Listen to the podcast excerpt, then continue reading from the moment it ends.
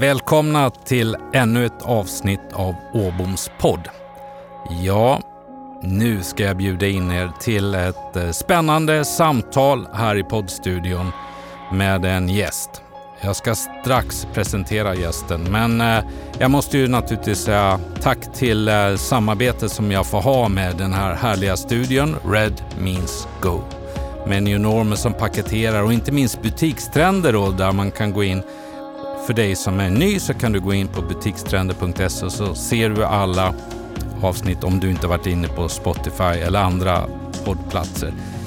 Ja, det har blivit några poddar nu till antalet och jag är ödmjukt tacksam efter de här olika poddarna, eller rättare sagt de olika gästerna, att verkligen få sätta mig ner i poddstudion, förbereda mig och sen möta spännande, kompetenta, intressanta och duktiga personer. Och idag så har jag förmånen att framför mig ha en trevlig, jag tittar på dagens gäst, avslappnad, fokuserad och en erfaren person med en intressant bakgrund som ledare. Dagens gäst har hunnit med en hel del och jag skulle säga att erfarenhet och drivkraft är någonting vi ska brottas lite extra med och grotta i den här personen. Ja, som ni vet så är ju det här inte en intervju, det är inte ett, sam det är ett samtal. Det är inga scoop jag är ute efter och gästerna ska känna sig trygga och till er lyssnare så ska ni verkligen få ta del av bra tips av mina gäster. Dagens gäst är född i Uppsala men eh, bor sedan många år i Stockholm. I grunden har han en civilingenjörsexamen från KTH, jobbat på något som heter Skanska Fastigheter, jobbat på ett fastighetsbolag som heter Drott, har varit 13 år inom NCC, varav de sista sex åren som VD och koncernchef för NCC. Ja, det finns en rad styrelseuppdrag kring eh, den här personen och kanske ett spännande just nu är väl att jag vet kommer att vara styrelseordförande inom kort in i ett fastighetsbolag som heter Arlanda stad, eller är styrelseordförande men det blir ett börsbolag inom kort. Sitter också som ledamot i styrelsen för tredje AP-fonden och ett antal andra styrelser på den här resan. Ja, det är minst sagt en lång och erfaren karriär inom fastighetsbranschen som med det jag säger varmt välkommen till dig Peter Wågström. Tack! Jättekul att vara här och kul för att göra ett samtal ja. i den här eh, avslappnade och spännande formen och miljön. Och vi har eh, kavajerna avhängda och vi har kavlat upp skjortärmarna lite så det är avslappnat, eller hur? Ja, men det ska ju vara. Ja. Eh, man ska ju på saken och då behöver man inte hålla på så mycket med kavajer och annat utan upp med skjortärmarna och ger, greppa frågan. Jag ser att eh, det finns olika verksamheter. Du är ordförande i Brunkebergs system, ordförande i Virba, ledamot i ett antal styrelser. Ehm, du ska få berätta lite grann om, om den karriären. Eh, styrelse kontra det stora internationella byggbolaget NCC som du har lett. Men innan dess, kan du inte för mina gäster och för mig berätta lite mer om vem är Peter Wågström? Ja, jag är en kille från Uppsala, uppfödd och uppväxt i Uppsala. Eh, gjorde mina första 25 år i Uppsala. Eh, har eh, en bror som är för övrigt flygkapten på SAS, en annan intressant bransch som har sina utmaningar. Eh, har mina föräldrar kvar i, i min hemstad som sådant. Eh, har varit eh, väldigt intresserad av att åka skidor, åkt väldigt mycket utför. Eh, har väl gått eh, på 80-talet gick jag i alla fall alla träningsutbildningar man i stort sett kunde gå, hela vägen upp i förbundsnivå. Eh, så jag har stått mycket i skidbacken genom åren. Gillar att spela golf, bollsporter. Eh, kanske en del inte tycker om, men jag är djurgårdare. Eh, så jag är eh, väldigt glad idag eftersom vi vann derbyt. Eh, beklagar för Hammarby. Men eh, det där är ju alltid den ständiga kampen i Stockholm mellan olika klubbar. Eh, så det tycker jag det är alltid kul att följa. Ibland är man glad, ibland blir man lite ledsen. Men eh, mm, hjärtat klappar där för Djurgården i alla fall. Och det gäller inte bara eh, fotbollen, det gäller ju hockeyn också, både damer och herrar. Det är kul att följa. Så jag stöttar Djurgården eh, aktivt så mycket jag kan. Mm. Eh, har ju ändå en, en bakgrund från Uppsala men jag har också hela min släkt, släkt i norr, från Norrland. Mamma är född i Kiruna, eh, uppväxt i Skellefteå. Min pappa är född i Övik, uppväxt i Härnösand, Höga Kusten. Så jag har ju mycket släkt norrut eh, och har en, en sådan bakgrund även fast jag själv är uppväxt i Uppsala. Jag har ju nu gjort många år i Stockholm. Sedan 1989 så har jag varit stockholmare och jobbat. Eh, känt att Stockholm är den som har haft den bredaste arbetsmarknaden och spän mest spännande arbetsmarknaden. Sen har jag två döttrar eh, som är 19 och 20 år. En, ena har börjat på en folkhögskola i södra Stockholm och den andra går på juristlinjen i Uppsala sedan några veckor och har börjat leva det intressanta studentlivet eh, i Uppsala som verkar vara väldigt roligt i alla fall. Ja, det kommer man ihåg själv från den tiden. Ja. Så det finns mycket sånt. och nu har de börjat öppna upp kanske lite mer också? Ja, nu är det ju öppnat upp. De är ju bägge två också vaccinerade så att eh, det innebär ju också att det finns ett annat utbud, ett annat liv än vad kanske varit de senaste åren eh, som sådant. Jag är skild, eh, har en ny sambo så jag är en nu på tal om eh, Höga Kusten så pendlar jag fram och tillbaka mellan Kramfors och Stockholm. Det gör vi bägge två. Mm. Eh, så vi har bas på två platser. Så det blir en del tåg och en del bil. Flyg har ju varit lite svårt de senaste ett och ett halvt åren i alla fall. Men det blir väl snart, eh, öppna väl, kommer ju det också nu öppna upp. Mm. Så att det kommer väl tillbaka. Du pratar om idrott, Peter. Mm. Skidor, har du också varit aktiv själv? Ja, jag, jag har ju varit aktiv som tränare så att, eh, visst jag har åkt lite tävlingar och sådär men jag var väl inte den mest framgångsrika på tävlingssidan. Min bror var, eh, tillhörde väl den bättre i Sverige på sin årskurs eh, och, och eh, åkte väldigt mycket tävlingar och var ute och for. Men jag, jag följde med ungdomar så jag följde framförallt ett gäng ungdomar från killar och tjejer från de var 6-7 år upp till att de var juniorer. Mm genom åren i Uppsala. Så att, eh, jag tyckte det var, gav väldigt mycket, var väldigt lärorikt också utifrån ett ledning, ledarperspektiv.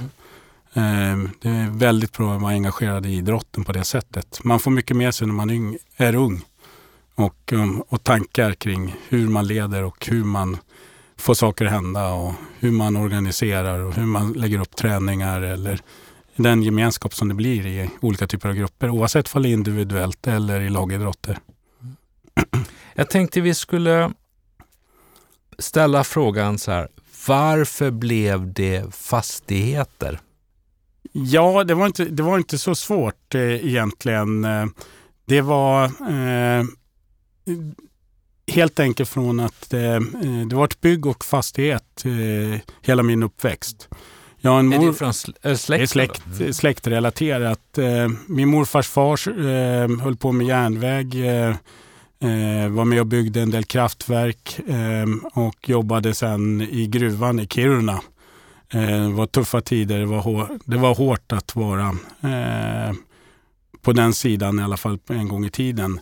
Min morfar eh, blev så småningom schaktmästare. Min morfars bror var schaktmästare. Så att min, min morfar då gick, eh, eh, jobbade då i gat, på gatkontoret i Skellefteå och byggde vägar och ledningar. Så jag har alltid varit med lastbilar och traktorer och grävmaskiner och allting sånt där annat. Min far är byggnadsingenjör och drivit arkitektkontor och byggledningskontor. Eh, som idag ingår, eller den koncernen idag ingår inom projektengagemang. Slog ihop och sålde för rätt många år sedan nu eh, med olika eh, grupperingar. Och, eh, så det var rätt naturligt att komma in på bygg och fastigheter. Familjen hade lite fastigheter på 80-talet. Och, eh, så det kändes som att det där vill jag lära mig mer om. Bygg hade jag läst, så jag är byggnadsingenjör i grunden. Eh, jobbade på bygge som utsättare, arbetsledare innan jag började plugg, pluggade vidare efter militärtjänst. Och eh, tyckte att nu måste jag lära mig någonting mer än bara bygga. Och då låg det nära till hands att läsa om fastigheter och därför blev jag lantmätare och fast, fastighetsekonom mm. på KTH. Så jag har den inriktningen mot just fastigheter. Ja. Och för jag tänkte, det är intressant att se vad som styr. Jag hade en gäst för ett tag sedan här som heter Stefan Bergdahl, vd för HP i Sverige. Mm. Ehm, och han har ju varit där i 30 år och det som gjorde att han kom in på datorer gjorde det att han var, som han sa, jag är lat och jag undrade när vi skulle göra praktik i skolan, var kunde jag närmast åka bussen? Var låg närmast busshållplatsen? Och 30 år senare så är han vd liksom, och Ja. ja. stannat där. Men du har en annan bakgrund i familjen, släkten kring bygg och fastighet. Ja, det har alltid varit bygg och fastigheter. Min, min mor är ju lärare, så hon är ju språklärare och har varit i alla år. Bägge två är ju pensionerade sedan många, många år tillbaka numera. Men, men, eh, men det har alltid varit eh, bygg och fastighetsfrågor, samhällsfrågor. Eh, det har väl varit mycket även politik och eh, samhällsengagemang. Min mor har varit politiskt aktiv och jag har också varit i, inom den sektorn i yngre, yngre dagar. Eh, Men sen har det blivit för mycket liksom, studier och jobb och annat som det har inte funnits tid till att också hålla på med. Peter, när man tittar på din resa som du har gjort, om vi går in lite grann på det som är ditt ledarskap och, och det som då är, är det som vi ska diskutera lite mer och, och sättet hur du är som ledare. Kan du inte ändå, jag menar vi alla vet att NCC ett stort bolag. Eh, finns i, jag vet inte hur många länder faktiskt, men som ni är, var i. Vad får man säga får man då? säga, eftersom du inte är kvar där. inte kvar där. Nej, men, men eh, att sitta där och, och kliva upp och så blir man koncernchef för en sån stor miljardverksamhet. Ja, men det, är, alltså, ehm, det här med... eh, Det är många som pratar karriär och hur ska man göra karriär och hur ska man komma vidare och så vidare. Ja, men jag, jag har alltid haft en grundtes. Se till att göra det du gör idag bra. Gör det, se till att få vara fokuserad, se till att ha roligt och leverera på det du gör för stunden. Men då får du alltid nya möjligheter. Eh, det jag tror det, det blir många och det finns en del som ger råd och annat om att ja, men fokusera, lägg en plan, vad du ska göra och så vidare. Jag har sagt till de flesta, se till bara att göra det du, du sysslar med för stunden. Gör det riktigt bra och med fokus och se till att det är roligt. Är det roligt så blir jobbet bra och då får du, då får du ett bra resultat. Då kommer, folk, då kommer man att se det och då kommer du få möjlighet till nya saker och få nya utmaningar och hitta på och saker som utvecklar dig. Eh, men ifall du har för mycket fokus på vad du ska göra härnäst, då missar du egentligen vad du sysslar med idag. Och då tappar du bort dig i helheten. Eh, jag, ty- jag tycker ofta så, så blir det för mycket diskussion om vad man ska göra härnäst istället för att bara fundera, se till att göra det du gör nu bra och ha roligt. Och se till att det är roliga saker du sysslar med, som du själv upplever som kul. Eh, sen, ska du, sen kanske du måste byta självmant och det beror ju på att det är någon som inte uppmärksammar dig eller blir sedd eller att du har en chef som inte ger den feedbacken eller ger dig de möjligheterna. Då måste du ta ett aktivt eget val. Den, jag och min chef, vi passar inte ihop. Eller min chef är dålig. Eh, han är ingen ledare eller hon är ingen ledare. Eh, då behöver jag byta. Och då måste jag själv ta ett aktivt beslut. Men så länge som du har en, en chef som är ledare och säger att ja, men det här är någon som vill mer, det här är någon som kan mer. Nu kommer jag erbjuda någon, och man känner att man får nya möjligheter och breddningar och får gå lära sig hela spektrumet. Då, då behöver man ju inte byta, då får man ju möjligheterna hela tiden. Så jag tror i grund och botten, se till att göra saker du tycker är kul och du är intresserad av. Och sen ser du till att eh, göra det bra med fokus och inte fundera på så mycket annat. För du sen tycker att du aldrig blir uppskattad för den leverans du gör, ja men då ska du själv söka dig till någonting annat som du också kan tycka är roligt. För då, då blir du inte sedd helt enkelt. Hur skulle eh, du beskriva dig själv som ledare? Ja, positiv, eh, glad. Eh, mm, hänger, mig, hänger inte upp mig på massa saker. Det som är gjort är gjort. Det gäller att gå vidare. Eh, bara vi lär oss av det. Det är vad jag har fått till mig genom åren. Av mina chefer och de som jag har jobbat för genom åren också. Eh, eh, hela tiden eh, ta, ett, ta ett steg framåt. Eh, eh, du, behöver inte, du behöver inte vara oroa dig så mycket för saker och ting. Se till att gå, gå framåt och, och gör mer. Och ta, ta liksom eh, och ta den här leveransen och se till att det blir gjort det du ska, det du ska göra. Och jag, jag, jag delegerar gärna, jag, sitter, jag vill ge folk ansvar. Eh, jag är ingen som sitter och liksom kontroll, jag är ingen kontrollnisse så jag sitter inte och kontrollerar var och en vad man exakt har gjort eller inte gjort utan jag vill se leverans. Och hur man gör det, för det finns säkert hundra olika sätt att göra en sak på. Och eh, det är inte säkert mitt sätt och så som jag tänker är det bästa. Eh, är, kan du din sak så kommer du hitta en lösning på det och kan eh, leverera. Sen kanske du behöver stöd och du kanske behöver bolla och så vidare. Men då får man ställa upp på bollningen. Men du behöver aldrig vara orolig för eh, man ska inte vara så orolig för leveransen som sådan. Man ska bara försöka och så ta sig vidare. Och jag delegerar. Jag, är, jag tror jag uppfattas nog som bra på att delegera och låta andra ta ansvar för de bitar de har fått eh, till sig och se till att eh, det blir, blir gjort. Mm. Är det eh, roligt att ha Peter Wågström som chef? Det får man nog fråga de som har varit, haft mig som chef genom åren. Jag har väl ett antal personer som jag brukar träffa emellanåt som vi har jobbat ihop genom åren. Vi har sagt att vi, vi borde göra nya saker ihop. Ja. Som har varit, eh, jobbat för mig genom åren. Och, så att eh, jag hoppas ju det att man tycker att det har varit roligt att jobba med mig och att man har uppskattat det och att man känner att man har fått eh, eh ta ansvar för sina områden. Sen, kan jag, sen är det klart, jag talar om för folk att jag tror inte att det här är ditt bästa område att hålla på med.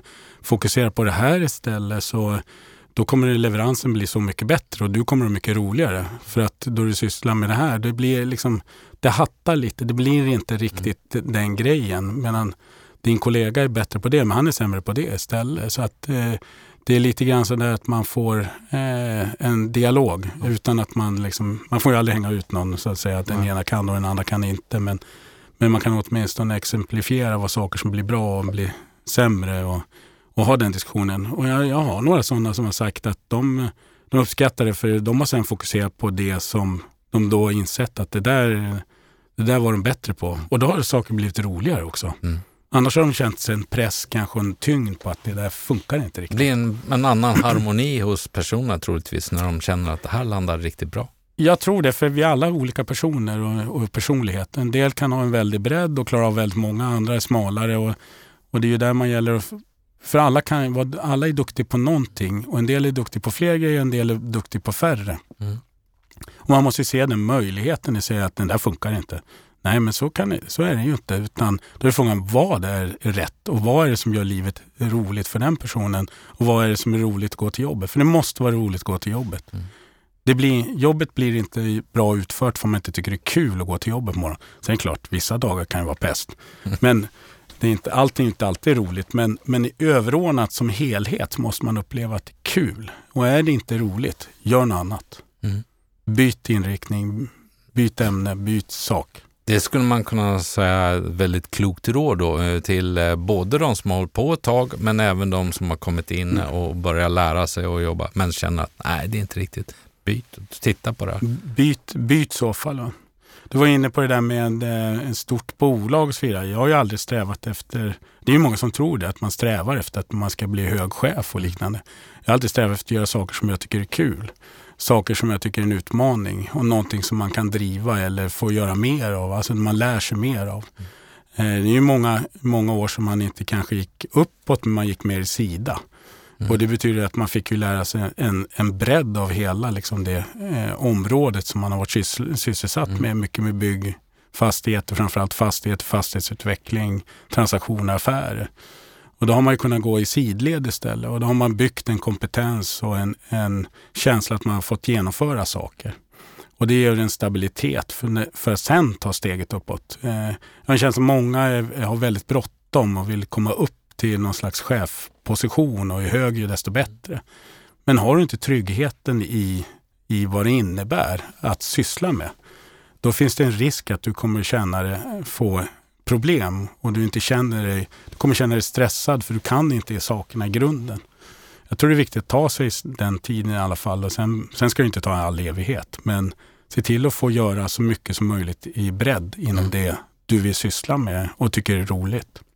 Vad är dina drivkrafter? Men, du har en lång karriär, du har ett antal år kvar, du ska jobba och du liksom jobbar med olika saker. Vad är, vad är dina drivkrafter, Peter? Nej, men jag har alltid tyckt göra, jag tycker om att göra nya saker och lära mig nytt. Eh, inom det som jag tycker är intressant. Jag tycker bygg och fastigheter är kul och jag har alltid tyckt det var roligt. Eh, så jag tycker det är roligt att få göra mer saker inom den sektorn, men klart på en ny nivå att fortsätta att göra det jag gjorde för 25 år sedan det, och falla tillbaka till det, det skulle jag kunna göra för jag kan det. Men däremot det är ju inte en utmaning. Det är ju Ja. inte, det är inte det som gör dagen spännande. Klart jag gör sådana saker och ser till att få saker att hända eh, beroende på att man, man bygg, jobbar i mindre organisationer. Då måste man ju ta på sig en, en större bredd. Mm. Men då måste det finnas en utmaning i någonting mer. Och då är det kul att, nu när man sitter i styrelser att det blir ett annat perspektiv. Eh, du ska inte handfast eller sitta och förhandla. Eh, och det var ju i och för sig länge sedan man gjorde det också på de högre, högre posterna. För det finns många andra som tar hand om de bitarna. Ibland brukar jag säga att man får mest ta hand om problemen. Eh, för de hamnar alltid längst upp. Längst upp ja. Ja men jag förstår vad du, du tänker säger. på andra grejer. ja men alltså göra nya saker, det är en utmaning.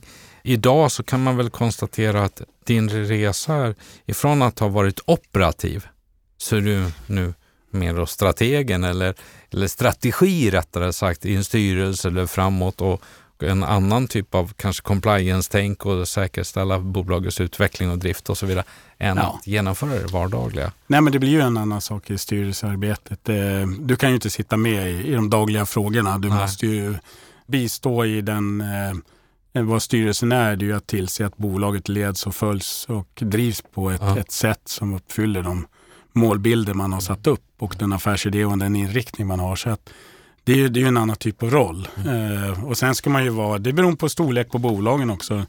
Är det ett stort bolag så blir det ju mer på distans, då är det ju mer uppföljning eh, än, eh, och att säkerställa att det går åt rätt håll i de målbilder som har varit. Kontra på mindre bolag, där blir man ju mer bollplank eller då kan man nästan bli mentor till ledning eller personer och bistå i, i olika typer av frågeställningar och, och strategiska frågor. Så det är eh, det har jag också valt eh, när jag eh, började ta styrelseuppdrag att försöka ta det på lite mindre bolag. Av den enkla anledningen att då får du vara med lite närmare men du är ändå inte operativ. Och ju större bolaget är ju mer blir strategiskt, compliance, eh, övergripande, säkerställande att styrsystemen finns där och att kontrollapparaten fungerar, att, att saker går åt rätt håll. Så jag har ju försökt eh, ta en del uppdrag där man är nära ledningen och få vara en delaktig på ett annat sätt. För det, du behöver inte göra det dagliga men du finns ändå i närheten och, och man kan utnyttja den kompetens man har med sig på ett annat sätt. Ja. Jag tänker på de yngre personerna som är nu eh, har börjat sin resa i, i yrkeslivet då, och mm, som har fått kanske sitt första eller andra jobb och ska göra det. Vad, har du så här, funderat på, är det, det här är mina ett, två, tre bästa tips för dem. Vi har ju pratat om lite som du har sagt, men har du något konkret mm, utifrån din egen resa som du kan dela med dig till dem? Ja, men det, spelar inte, det spelar inte så stor roll vad man gör. Det viktiga är att man, eh, vill man in i en bransch eller inåt, ja men då hoppa på någonting där du får börja. Och sen, men se till att det är också någonting som du själv skulle tycka var intressant att lära sig mer av. Eh, och sen se till att göra det bra. Eh, och är det där bra, eh, är det någonting du gör bra och att det är roligt, då behöver du inte fundera på så mycket mer. Eh, då, ju, då faller jag tillbaka till det här att har du en vettig chef eller en ledare så kommer man plocka upp dig till och ge dig nya utmaningar eh, löpande. Jag har haft en sån resa där man har haft bra chefer och ledare genom åren och som har inneburit att ja, fram till jag blev koncernchef hade jag inte gjort samma jobb mer än två år. Alltså inom sam, med samma ansvar. Utan jag har bytt ansvarsområde eller innehåll mellan ett och ett halvt till två år eh, genom hela min karriär. Och, eh, och då har hela tiden blivit ompaketering, nya innehåll, nytt eh, område, större, eh, eh, ny typ av eh, utmaningar i relation till ifall det varit utveckling, transaktioner eller förvaltning. Eh, eller byggrelaterat. Så att det, det längsta jag höll på med någonting, då var jag var koncernchef. Med sex och ett halvt år. Det är, då blev det ju liksom samma. I och för sig var det nya utmaningar inom, Ja. den, inom den ramen. Vi gjorde ju en hel del. Du frågade om antal länder. Vi var nio länder då jag började en gång i tiden. Eh, och när jag slutade så var det fyra. Okej. För eh, eh, då, under den tiden här noterade jag ju hela bostadsutvecklingssidan under, under Bonava, varumärket Bonava. Okej. Och de fick med sig eh, Baltikum och Ryssland och Tyskland. Mm. Som var de andra. En liten detaljfråga. Om man är koncernchef Mm. har många anställda och, en stor, och i flera länder, Måste man jobba mer än 40 timmar i veckan då? Ja, men jag kan ju säga det att jag har alltid jobbat mer än 40 timmar i veckan. Men eh, jag hade en period där jag, den där jag jobbat mest, då jobbade jag i stort sett dygnet runt i tre månader. För då skötte jag två jobb plus att jag fick ett tredje och det var då vi bildade Pandox eh, hösten 1994 på Skanska och Securum. Okej. Och då jobbar jag med eh, värderingsfrågor och hela den tekniska och juridiska DDn eh, av ingående bestånd från bägge sidor. Mm. Och då var jag själv. Och sen hade jag två tekniker som eh, fick åka runt och besiktiga alla kåkar. Wow. Och, då, och sen hade jag två, då hade jag mitt, gam, mitt andra jobb också. Plus ett till. Så jag hade tre jobb parallellt. Och då jobbade jag dygnet runt i tre månader. Så jag åkte hem, sov, kom tillbaka sju dagar i veckan. Men, men det är ju sådana perioder. Det var ju en utmaning. Det var ju det var en, kul, det var en kul period, men det var väldigt mycket. Det var mycket. Så att eh, det finns ju inget, alltså eh, tycker saker är roligt så ser inte Då det kör som man. Då kör man, man kör all in. Men hur många timmar i veckan jobbar man som koncernchef? I det, Då fall? jobbar jag faktiskt mindre än vad jag jobbade innan. Det gjorde du? Ja. Ja. Men jag har nog legat eh, någonstans mellan 60-80 timmar i veckan. Mm. Har man ju legat på. Ja. Som koncernchef låg man ju kanske någonstans 60-70 timmar i veckan. Ska Mm. jag kunna tänka. Men sen, men sen är ju skillnad. Ju, blir du, eh, kommer upp i koncernledningar som jag även suttit och eh, både eh, på Drott en gång i tiden Mm. och i, i NCC innan jag blev koncernchef. Jag menar, du är alltid, du är alltid tillgänglig. Och Man ju, är- du, det spelar ingen roll, du är 24-7. Mm. Och jag har fått säga till eh, medarbetare, sagt det att ska du ha den här rollen, tyvärr, alltså jag beklagar, men du kan inte gå hem och stänga av telefon klockan sex på kvällen. Nej. För du har ett ansvarsområde som kanske är ett par tusen anställda. Händer en olycka eller liknande, är det något eh, akut som händer eller i gruppen så måste vi kunna få tag på dig. Mm. Så jag har fått ringa via eh, respektivers telefon och så vidare få tag på folk ibland. Så det händer och det är inte meningen att eh, man ska känna att det är en press. Man måste klara av att det är någonting som ingår. Mm. Eh, och det kommer med ansvaret. Och är det så att man absolut, till exempel en, en semester, man ska vara bortrest, ja men då får man ta in någon som står som stand-in. Mm. Men det kan man inte vara varje kväll klockan åtta på kvällen till nästa morgon. Då, då är det så att då kanske man måste kunna svara. Eller man går att få tag på i alla fall.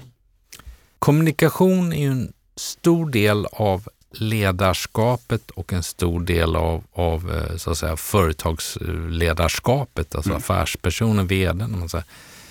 Hur, hur, eh, hur mycket tid har du jobbat med det i dina roller utöver alla styrelseförberedelser, ledningsförberedelser, eh, förhandlingar och så vidare? Kommunikation ute för att du ska nå ut till alla tusen medarbetarna.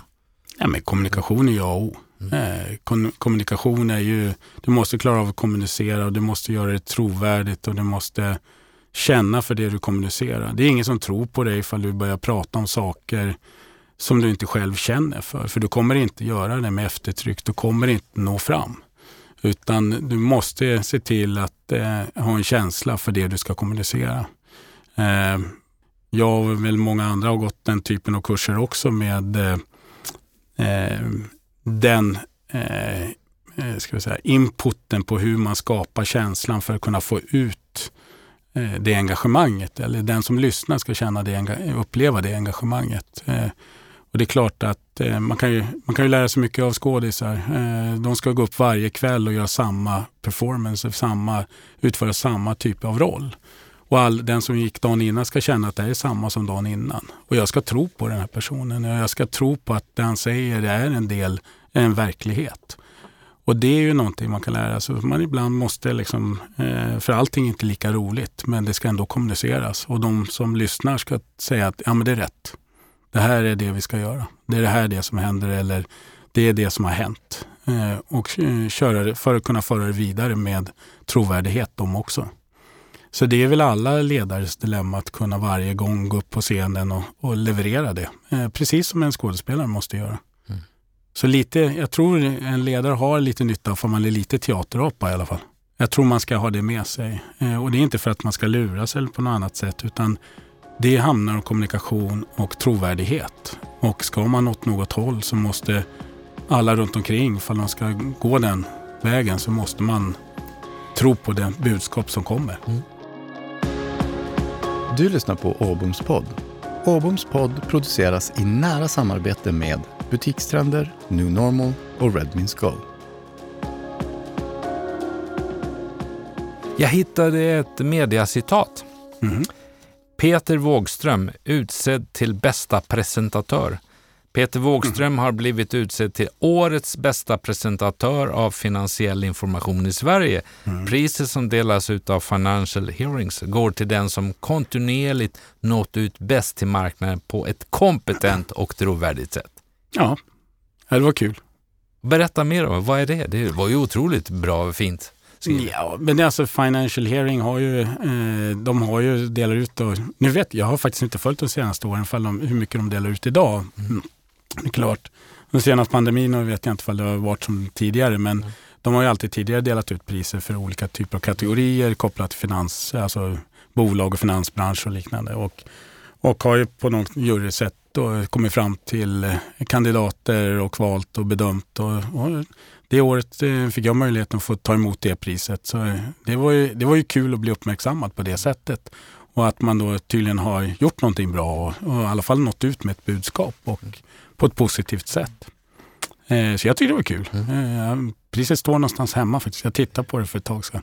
Jag råkade hitta det i en låda. okay. Jobbar du, jobbade du extra hårt med just paketeringen av din kommunikation? För jag menar, du hade ju kommunikation ut i verksamheten. Du hade ju kommunikation ut till marknaden. Eh, då tänker jag på liksom hela byggmarknaden. Du hade ju kommunikation upp till ägarna, alltså börsen och så vidare. Jobb, var det en stor del för dig att hitta rätt där? Ja, alltså jag har ju alltid tyckt det är kul att träffa människor eh, och prata och, och höra och, eh, och engagera mig i liksom vad folk tycker och känner. Och, men också kunna kommunicera då. Och inte, inte, jag är inte så mycket för en-till-en kommunikation. Jag, vill, jag, jag, är inte den bästa presentatören när man står för, och det är en sån här man får väl eh, inse själv också. Jag är inte den bästa presentatören när du står med tusen man framför dig i en stor sal eller två tusen man. Eh, då finns det de som är nog bättre än vad jag är. Men däremot en grupp om upp till 50 personer, då tycker jag det är mer roligt. Jag tycker det är kul. För då kan man ha en interaktion. Och då kan man ha en relation till de som finns och lyssnar och eh, se också vad är det som inte verkar inte fångas? Vad är det som inte man når fram med i budskapet? När man gör med en till tusen personer, då är det svårare. Det är svårt att få den här kontakten. Du, får ju, du försöker ju alltid hitta någon du får kontakt med en publik. Men stå på en scen med strålkastarna på dig och, och allt, allt blir mörkt där ute i stort sett. Eh, då är det inte så lätt att få den kontakten och då måste du vara väldigt hemma i ditt eget budskap och du för ut utan få någon riktig respons. Mm. Och den tycker jag den är mycket svårare. Eh, och det är en träningssak. Och, eh, den kan, är det någonting ska man fortsätta på den typen av storlek på presentation, då ska man få träna ännu mer på det. För den, där når jag inte riktigt fram tycker jag. För där blir, där blir man en sändare. Ja, man är sändare då. Hela, för du, det är svårt. Jag, jag tycker om människorna, jag tycker om det här eh, ledarskapsdelen, alltså den här kontakten. Och när man får en fråga, så, ja men det har jag inte tänkt på, ja men låt oss hitta en lösning på det. Eller så här har vi tänkt och liksom, ja men, då har de, ja, men det låter bra. Liksom. Och, om man, får, man kommer upp och presenterar något så kan man reflektera över och ha en diskussion, ett samtal. Och sen kanske man måste sätta ner som chef. Eh, det är ju skillnad på ledare och chef. Alltså, ibland måste man sätta ner foten. Nej, men nu gör vi på det här sättet. Liksom, nu slutar vi diskutera. Nu, får det, nu blir det på det här sättet. Jag får ta an det ansvaret. Men, men innan dess så har man ju ändå en dialog och en diskussion. Eh, och den är, ju, den är ju givande och intressant. Och just det här med, med människor. Att man kan ha den samtalet och den, de diskussionerna. Är du en ledare som har varit ute mycket i verksamheten och pratat med medarbetarna? Jag har försökt vara ute. Jag är intresserad av människor. Mm. Jag tycker det är roligt att åka ut. Jag tycker det är roligt. Jag, tycker, jag älskar att vara ute på byggen för det har jag varit sedan barnsben. Mm. Så att, eh, jag tycker det är roligt att vara ute och se när någonting skapas så fysiskt som en byggarbetsplats. Eller, så här, oavsett om det är en väg, eller fall en tunnel eller fall ett hus eller vad det nu är för någonting. Så är det, det är lika roligt att vara ute mm. och, och titta på det uppleva det. Så att, eh, jag har försökt vara ute så mycket det har gått. Men det är klart att eh, vissa perioder är väldigt svårt. Man sitter högst upp. Mm. Det är mycket annat som ska göras också. Mm. tänker på um, Tobias Baudin som är då förbundsordförande för det fackliga stora, äh, stora kommunalorganisationen som det heter. Mm. Eh, som sa att jag har en dag i veckan när jag är ute och gör det och en dag i månaden är ute och praktiserar. Alltså han har satt mm. det i sitt, mm. han har byggt organisation. Mm. Det går inte att jämföra kanske med en operativ affärsverksamhet. Men det är kul mm. att höra olika, hur man prioriterar, vad man kan göra, hur man kan styra för att komma ut och träffa medarbetare. Ja, men man måste ut. Alltså, den som inte åker ut, den missar någonting. Och sen ska man ha respekt för alla som är där ute. De kan sina saker. De, det de sysslar med, det kan de säkerligen bättre än vad du själv kan. Eh, ut och lär, ut och träffa, ut och se. Lyssna in problemen, ta med dig problemen hem och gör någonting åt dem. Det är, det är det som är så bra att åka ut. Eh, då får man en input och då får man en vetskap om saker. Mm. Och då, då kan man göra någonting. Men är du aldrig ute, då blir allt filtrerat på något sätt. Så du måste ut och träffa människor i organisationen. Och du ska ut också och träffa kunder. Eh, framförallt ska man ju se till så att man inte distanserar sig från de som ändå betalar kalaset. Det är ju dina kunder. Ja. Och, och, som eh, väldigt hög chef så är det inte alltid du träffar kunder. Då kanske du är på med på en signing. Mm. Men du kanske ska ut och träffa och lyssna någon gång och höra och, och delta. Sen vet jag inte alltid ifall det här ut och eh, göra jobb och praktisera, det kan man göra. Eh, och eh, i vissa fall tror jag det är nyttigare än i andra. Men, men det viktigaste tycker jag det är ändå att vara ute och träffa och sitta ner och prata och, och höra och lära sig. Mm. Och få en undervisning på sånt som du, du kanske inte kan. Du har aldrig gjort det så det är bra att få någon tala om, ja men så här funkar det att göra de här momenten eller göra de här arbetena. Så att eh, ut, och, ut och träffa folk, det är mm, viktigt. Det är viktigt. Du nämnde innan om att det fanns eh, kopplat till din familj lite politiskt engagemang, du själv i unga år. Och då hittade jag ett annat klipp. Jaha, okay. mm. eh, NCC-chefen vädjar till politiker, satsa på järnvägen nu. Ett spretigt valresultat med en så länge oklar regeringsbildning skapar osäkerhet för byggbranschen och så vidare. Och då, då är det inte just det citatet Peter, men mm. hur viktigt viktigt är det idag som eh, ledare att man också har ett engagemang mot beslutsfattare i samhället?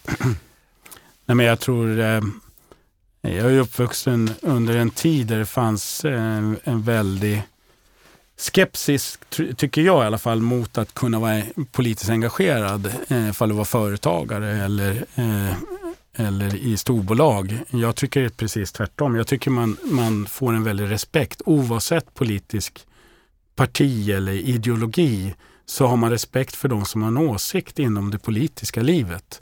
Och eh, alla de har ju, det är inte alla som bara har hållit på med politik. Många har hållit på med annat också genom åren och kommer göra annat i framtiden när de tycker att nu har jag gjort min, min del av det här politiska. Eh, eh, och eh, där ska man inte vara så orolig för att engagera sig eller ha åsikter eller, eller tycka. Det, det viktigaste man tycker och deltar i, i diskussionen. Sen, ska man ju, sen kan man ju inte gå ut, eh, det gäller ju allting, det gäller ju företagande också. Man kan ju inte säga, gå ut och säga att folk har fel. Det finns olika sätt att göra det eller, eller ha uppfattning om vad som är rätt väg. Eh, och det får man ha all respekt för att vi är olika, vi har olika bakgrunder och vi har olika uppfattningar om olika typer av frågor.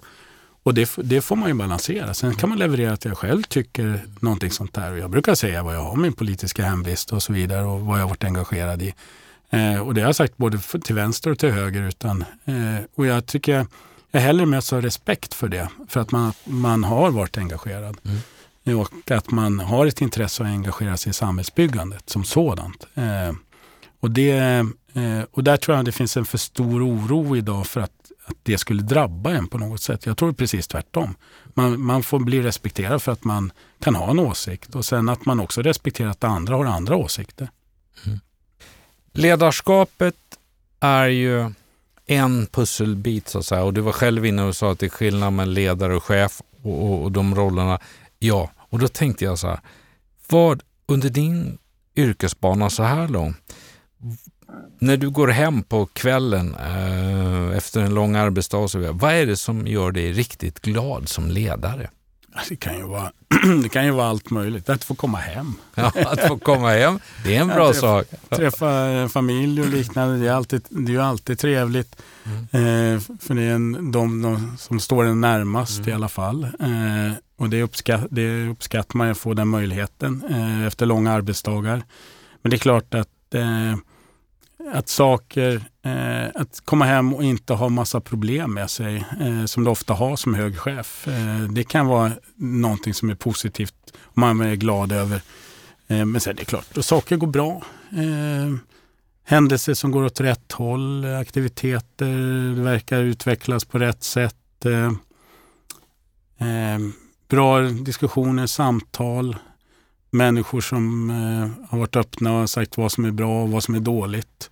Som man har fått ta med sig eh, och man kan bearbeta och se vad man gör, vad man gör härnäst.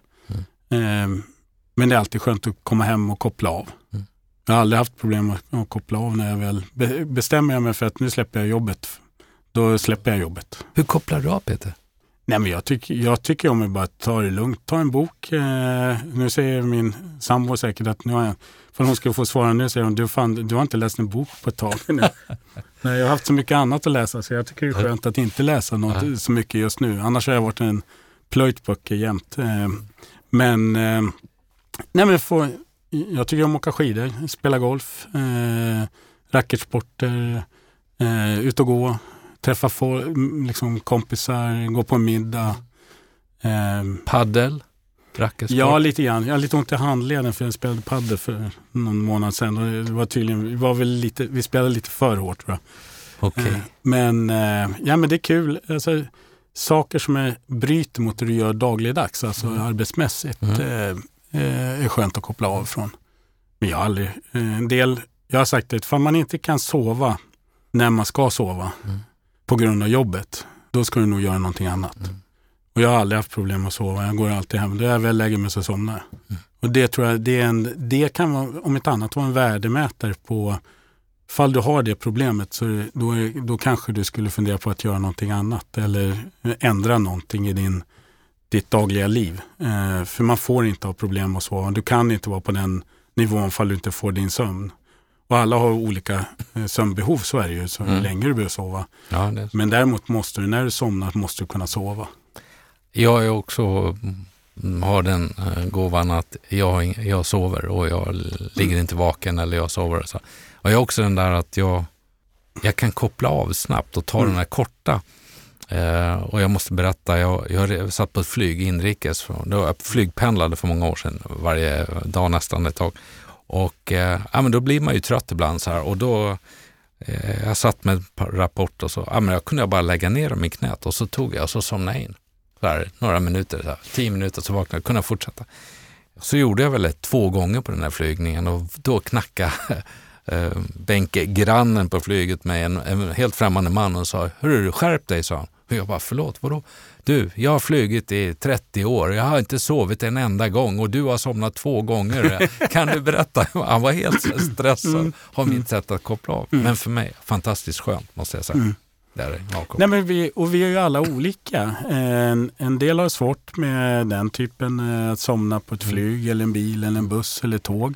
En andra gör det direkt. Mm. Har en massa kollegor som så fort vi satte oss på ett flygplan så sov de innan planet hade eh, lämnat liksom gaten Mm. i stort Ja. sett.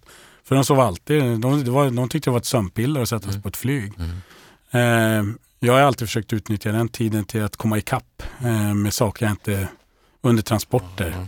För det har alltid funnits saker att läsa. Det är alltid antingen är det tidskrifter eller så är det något PM eller så är det någonting annat som ska läsas. Så jag tycker då har jag, då har jag haft tidpunkter när man inte har fått resa lika mycket. Det har alltid varit problematiskt för så fort man är på kontoret så blir man upptagen av annat. Det är alltid någon som ska prata om något eller något som dyker upp för att man är där. Men transporterna, sätta på ett flyg varit perfekt. Man har inte kunnat koppla upp sig. Det var jättebra innan wifi kom Ja, på det. flygen. Man var inte uppkopplad och då fick man liksom eh, från det att man gick igenom safety eller, Fick så fick man liksom kanske två timmar som, ja, nu, nu gör jag bara det jag behöver för att komma igenom vissa saker. Så transporter har jag alltid tyckt varit bra. Ja. Nu, nu är det så på tåget det är också wifi hela Ja, tiden. Förr du- kunde man ju sitta och läsa grejer då istället. Men nu är du uppkopplad hela nu är man alltid uppkopplad. Men nu är tur, nu är jag inte operativ så att det är inte samma sak. En fredagkväll då, avkoppling. Mm. Alltså stänga av veckans arbete. Uh, förut var det operativt, nu är det styrelse och andra former av ledningsarbete och investeringar och så vidare. Hur kopplar du av då? Ja men en fredag, det är, eh, ofta så träffar vi någon. Eller man går på middag eller man eh, bara sitter i familjen. Och eh, man käkar middag ihop och sen tar det lugnt. Eh, jag har ingen stress på att det måste göras massa men det är klart det är kul. Det är kul att gå på middag eller träffa kompisar eller de man inte hittar, hinner träffa under veckan när man inte har träffat på ett tag. Så vi har väl rätt stort kontaktnät och vänkrets som vi träffar på olika sätt. Eh, och det gäller ju, och då får man passa på en fredag kväll eller fredag sen eftermiddag eller över en helg. Mm.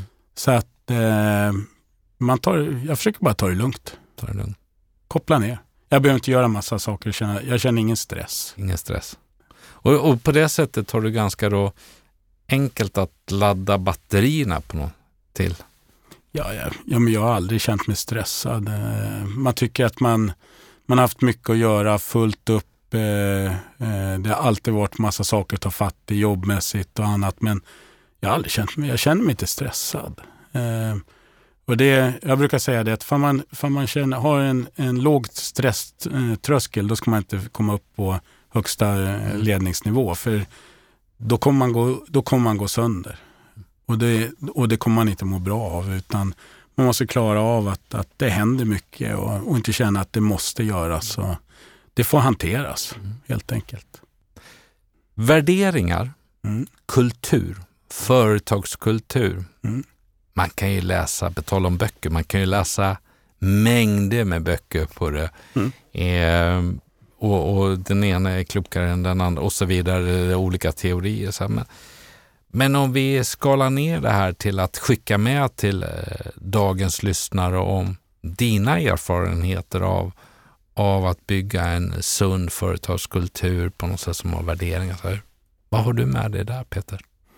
Nej, men alltså, jag, ibland blir det så att jag tycker det blir krånglas till de här bitarna. Det har blivit så mycket akademi, akademiskt över det.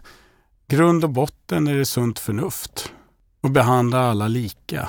Eh, och skapa en, och framförallt tycker jag, skapa högt i tak. Alltså, man, man måste tillåta samtal och debatt och diskussion. Eh, och man måste ge möjlighet till det.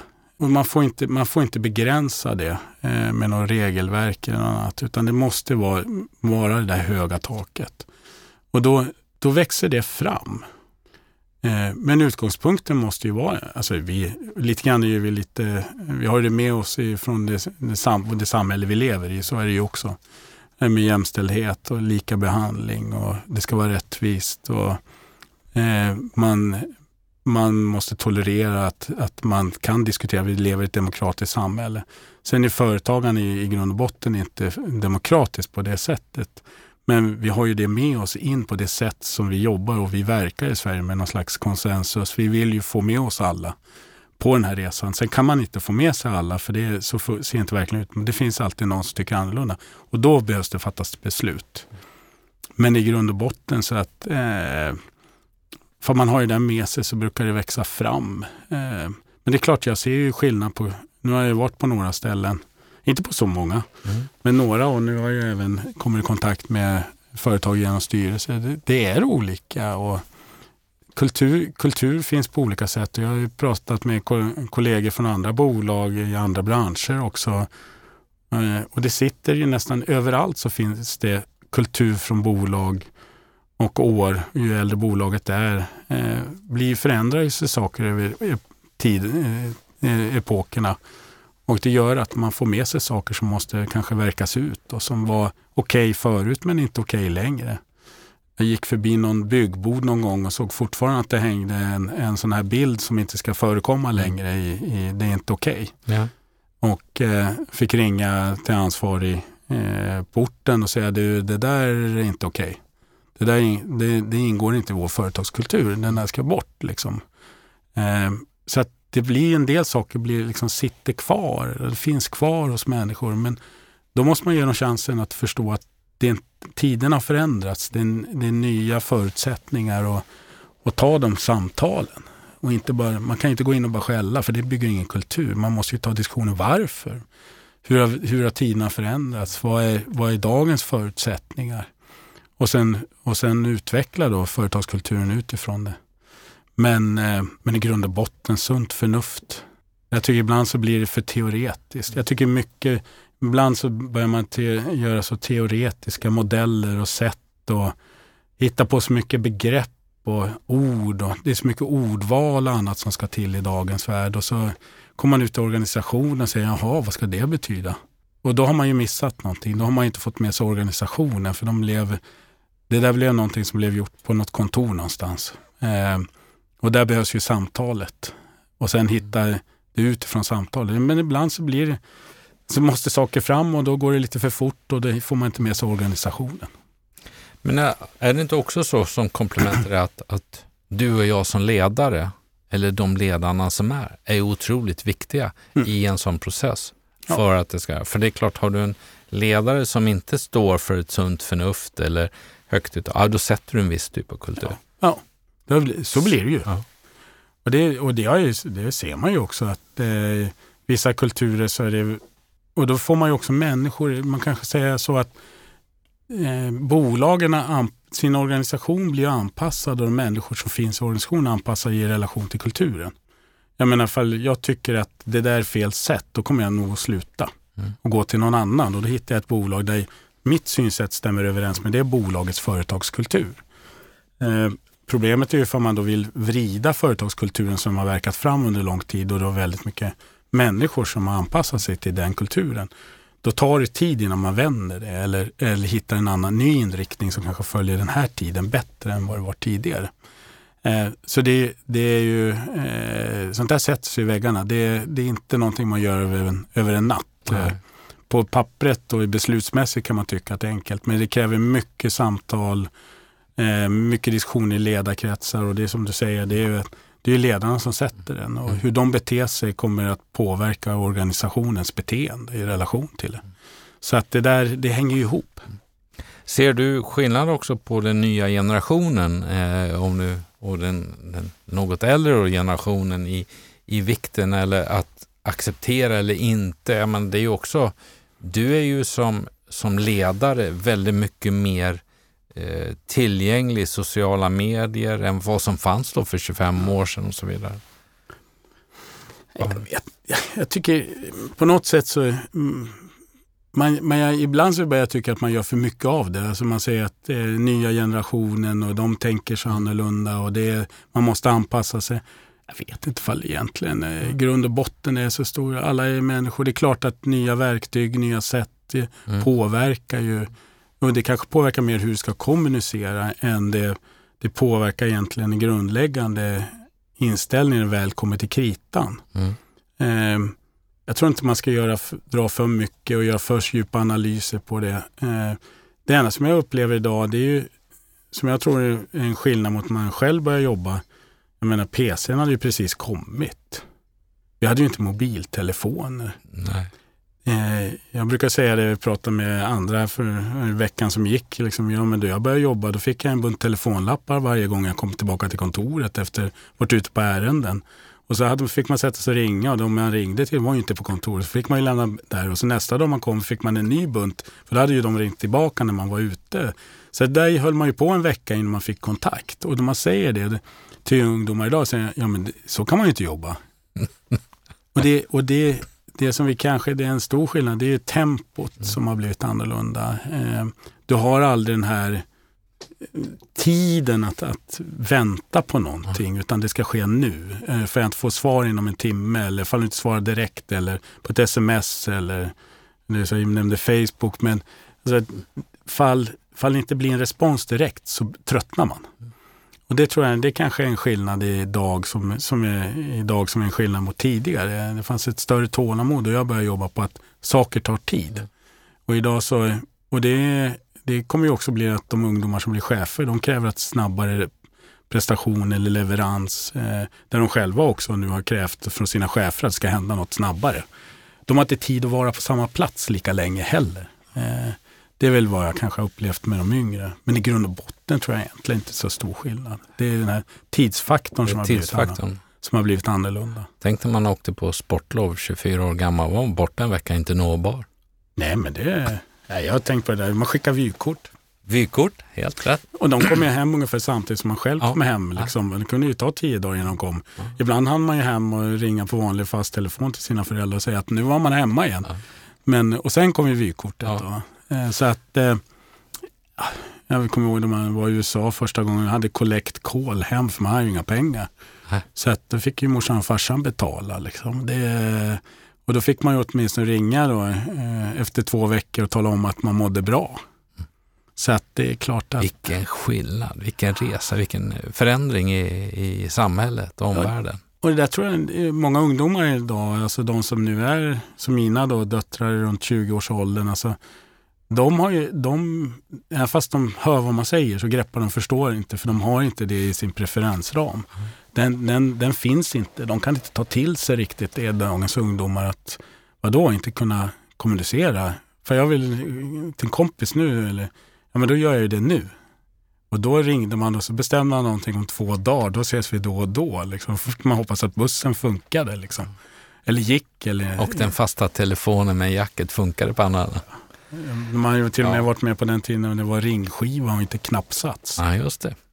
Ja, det är en resa vi gör och det, det här påverkar naturligtvis ledarskapet, vd-skap, affärs, alltså delen chefskapet, företagens utmaningar kring de här delarna. Det gör det ju, det är en resa. Det, som ledare, är det viktigt att vara omtyckt som ledare?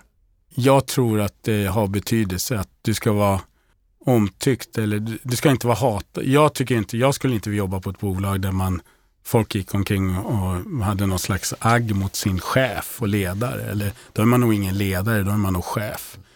Eh, jag tror att man får, alltså min grundläggande inställning har varit alla år, har man en, en god stämning och har alla med sig så, eh, och man eh, då blir ett bättre resultat.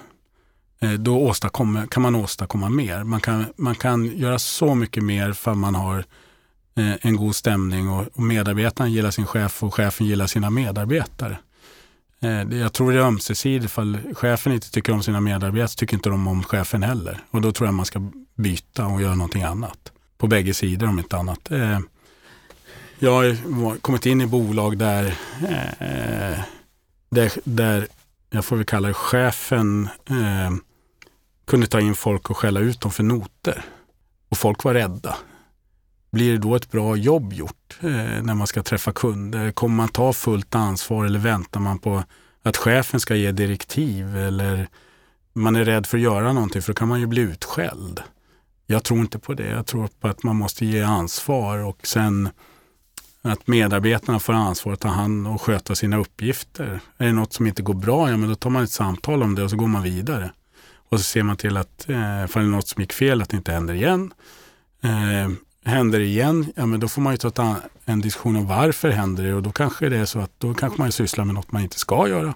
För man är inte lämplig för den rollen. Mm. Eh, och sen kan man ha haft otur, ja men då, kommer, då har man ju lärt sig något på kuppen, då tar mm. man med sig det. Men i grund och botten, man, man måste ha en ett förtroendefull relation mellan, mellan den som ska leda någonting och den som utför det. Och, och att man tror på varandra och att man kan åstadkomma det. Eh, det är liksom det är, ja, vi hade en devis en gång i tiden när jag jobbade på Skanska. Det var ju frihet under ansvar. Se till att få sakerna gjorda. Bättre att du gör någonting. Blir det fel så tar vi en diskussion var, varför det blev fel. Och sen eh, går vi vidare och ser till att det blir rätt nästa gång. Men, då, men får, man aldrig, får man aldrig våga ta ett beslut som medarbetare, ja men då kommer det aldrig hända någonting. För chefen kan inte ta alla beslut. Det är mm. därför man är fler. Mm. Det är fler som ska göra uppgifterna. Och det där är, eh, jag tror det där är en jätteviktig grundregel. Det är att man litar på sina, sina medarbetare, de man jobbar med. Och att de, de kan hantera det. För, för jag har ju satt dem där, eller för jag är ledaren så har, ju, har ju jag gett dem den möjligheten att ta ansvar för det här. Och då måste jag ju tro på dem. Annars ska de inte, då ska man göra något annat. Då. Mm. Så det där är, en, eh, det är väl någon slags grundtes i alla fall. Mm. Idag när vi sitter här i poddstudion och eh, ska faktiskt börja avrunda dagens samtal med gästen Peter Wågström så tänker jag så här, ja, han har gjort en härlig, imponerande resa inom, inom det operativa, eh, då, mm, hela vägen upp till en koncernchef och nu så är det ett antal styrelseuppdrag och nu blir han också ordförande om några dagar för ett börsnoterat bolag som ska in där. Eh, var hittar vi Peter Wågström om fem år? Ja, det är, det är, det är skidbacken förstås, men, men jag tänker mer yrkesmässigt Peter. Ja, skidbacken och golfbanan och padden ja. och ute i naturen. Och, mm. eh, ja, det vet jag inte. Jag, inte. jag, brukar inte sätta upp några sådana här, jag har inte satt upp genom min karriär eller min, mina år och jobbat som något speciellt mål. Det är ju många som tror det. Jag har sagt, ja men du har väl satt upp målet att du ska bli koncernchef? Nej, det har jag aldrig gjort. Eh, det var något som hände eh, på vägen eh, och en möjlighet jag fick och jag tyckte det var intressant att ta den och fånga den på flykten så att säga och få den möjligheten att göra det. Och så blev det sex och ett halvt år. Och det var, tyckte jag var, eh, det var kul, och en kul utmaning. Sen får man gå vidare. Eh, nu har jag ju valt att eh, ta på mig ett antal styrelseuppdrag för det är, det är kul att vara med, påverka, få delta, man kan bidra med kompetensen Eh, i styrelserummet som sådant. Eh, och, eh, men samtidigt så är det ju inte så låst och så styrt som det är när man är operativt och har en operativ roll. Så jag tycker det är en, det är en ynnest att få den möjligheten att kunna sitta i, på det sättet. Men sen håller vi på med lite affärer med, med bolag, du nämnde ju några eh, från början. Och eh, förhoppningsvis flyger de eh, på det sätt som jag har tänkt och som vi har tagit in pengar till.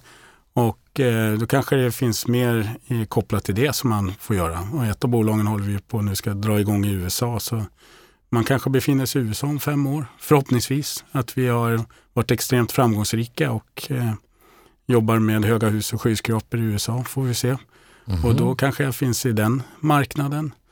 Eller eh, så kanske man bara spelar golf. Det får vi väl se. Det, det får framtiden utvisa om fem år vad man gör. Men jag tror nog att jag kommer jobba många år till eh, ja. i, på ett eller annat sätt. Men eh, exakt vad det blir, det, det kommer nog eh, jag hålla öppet. Eh, jag anpassar spelplanen, eller spelet efter spelplanen. Jag upplever det och min analys av vår samtal Peter är att jag har en gäst framför mig som där det finns mycket möjligheter, det snurrar, det är olika projekt hit och dit, mycket engagemang och inte på något sätt eh, eh, någon som kommer att sitta eh, fem dagar i veckan i en fåtölj och läsa böcker bara. Det är min bild när jag hör dig berätta det här. Nej. Och då tänkte jag så här att om jag ringer till din sambo Maria när du går härifrån och så säger jag nu har jag suttit med Peter och pratat i en timme. Men du kan inte du berätta för mig hur är Peter egentligen? Vad skulle Maria säga då om du får på par, tre punkter. Hur skulle hon säga att Peter är som person och eh, hennes spelare? Vi skippar Allt, ja, men närmast. Tror, men... Ja, ja, absolut. Nej, men jag tror hon skulle nog säga det att jag, jag, jag har alltid saker på gång, jag har alltid för mycket jag ska göra. Och, ska säga att, och du ska alltid träffa så mycket människor och du, du alltid, ska alltid ställa upp eh, och du vill alltid bidra. Och de frågar dig om massa saker och du är bara schysst och, och svarar och bollar och är med. Eh, du måste börja sortera mer, du måste eh, minska på antag, antalet möten och kontakter och det du bjussar på. Eh, och ska du göra grejer så se till att ta betalt.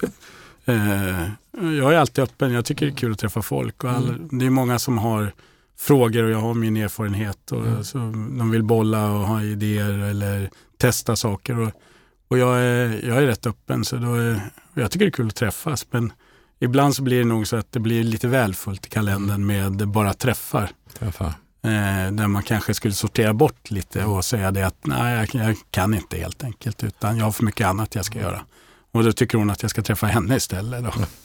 Okej. Okay det finns en baksida eller det finns ja, en ja. hållhake. Nej, inte riktigt. Ja, men det där var en bra, mm, bra uttryck om, om dem och en ärlig sådan. Peter, en timme rullar på. Vi har, eh, mina gäster, vi tillsammans har nu fått möta Peter Wågström som eh, från början kommer från Uppsala, har med en släktbas ifrån Norrland, men landade i Stockholm. En person som eh, har ägnat stort del åt skidor i uppväxten, eh, framförallt alpint då, och där har man också gått en tränarkarriär. Gillar det här med bollsporter, golf, är då, för vissa får ni väl hålla för öronen, men annars, så här är ju idrottslivet. Ja, han är en riktig djurgårdare mitt emot mig. Två döttrar och idag en sambo. Har en lång, gedigen och imponerande karriär och kunskap vill jag säga inom bygg och fastighetssektorn. Hur gör man en karriär pratar vi om. Ja, gör, väldigt konkret. Gör det du är bra på där du är just nu, idag. Se till att göra det riktigt bra. Se till att det dessutom är roligt det du gör och fokusera inte för mycket på ett nästa steg. Det där kommer att lösa sig. Du kommer att bli sedd. Skulle du inte bli sedd så har du antagligen kanske en fel ledare och då kan man ta ett eget ansvar. Men annars kommer det där att lösa sig. Peter är ingen kontrollnisse, gillar att delegera men vill se leverans i sitt ledarskap och chefskap. I det. Viktigt att ha roligt där du är och jobbar. Du kommer inte att göra ett bra jobb annars. Peter själv gillar att göra nya saker. I det ligger utmaningen. Och så ska man inte ha för bråttom utan se till att där du är skapar en ordentlig bredd av kompetensen. Som en del på Peters resa så har kommunikation varit A och O för att kunna göra det förändringsarbetet, nå ut, träffa medarbetarna, stå på en scen eller i ett fikarum eller på en byggarbetsplats. Eh, och då ett tips att jobba på sitt eget framträdande. Kanske kan vara bra att vara lite grann av en teaterapa, sa Peter. Eh, till dig som är ung, rekommendation. In i en bransch du gillar. Ta första steget och även där då, se till att göra det bra och bygg dig därifrån vidare. Värderingar för Peter i hans tänk är, ja, det handlar om sunt förnuft. Det handlar om att behandla alla lika. Det är att se till att skapa en dynamik som gör att det är högt i tak i den verksamheten. Kulturen då kopplat till värderingar, ja det är klart att de är olika och de kan ha förändrat sig under en tidsaxel. Men eh, det finns en risk, som ett tips från Peter, nämligen att vara inte för teoretiskt. Och eh, naturligtvis finns det nya verktyg i form av digitala och sociala medier och så vidare som man kan nyttja. Men det behöver inte vara så krångligt. Det behöver inte vara ett helt lexikon, det var mitt eget ord, men att göra det för att göra det. God stämning är viktigt. Det är bra att ha det och att skapa det och som ledare behöver vi gå, med, gå före i den processen. Ja, Peter hade ingen ambition om att bli koncernchef, men den kom och han fångade den. Peter har jag upplevt har en bra förmåga att stänga av Även om Peter gillar att ha mycket att göra som vi gör. Men att stänga av och ladda batterierna på det sättet. Min bild av Peter som yrkesperson och bolagsledare, det är en väldigt pragmatisk person. Enkelhet finns där och jag upplever en väldigt trygg person. Och det sista jag har skrivit, det är att jag har en gäst som tar ett stort ansvar. Det är min summering av eh, att få sitta ner och samtala och framförallt lyssna på dig Peter i den här podden. Ja, det var kul att få vara här och det var kul att få en summering också över vårt samtal. Mm. Jag tycker du har fångat den väl, eh, som jag kan ställa mig bakom. Ja, härligt. Ja, jag berättade ju innan att jag skriver, jag summerar och jag sparar och nu kommer jag att åka hem, sätta in dem i min perm och så får vi se vad, det, vad jag får med mig för klokheter och klokskaper och kan paketera framöver. Men det är en guldskatt för mig kan jag säga. Vi får väl se om fem år då. Får ja. vi se vad som har blivit av det hela. Får vi följa upp de där noteringarna. Ja, det får vi göra. Peter, tack för att eh, jag fick bjuda, eller att jag bjöd in men tack för att du tackade ja och på ett väldigt generöst sätt delade med dig av din karriär, men framförallt din, dina erfarenheter, ditt synsätt och, och lite grann tankar om framtiden och vad vi kan skicka med oss till lyssnarna. Tack själv. Kul att vara här. Kul att samtala. Mm. Det är alltid givande att ha ett samtal och en diskussion. Man, får alltid, man tar alltid med sig något efter den. Ja, det är rätt. Det är ambitionen kan jag säga. Så till eh, dig Peter. Stort tack återigen och inte minst lycka till med eh, styrelseuppdragen, investeringarna och nu då börsintroduktionen. Allt gott till dig. Tack.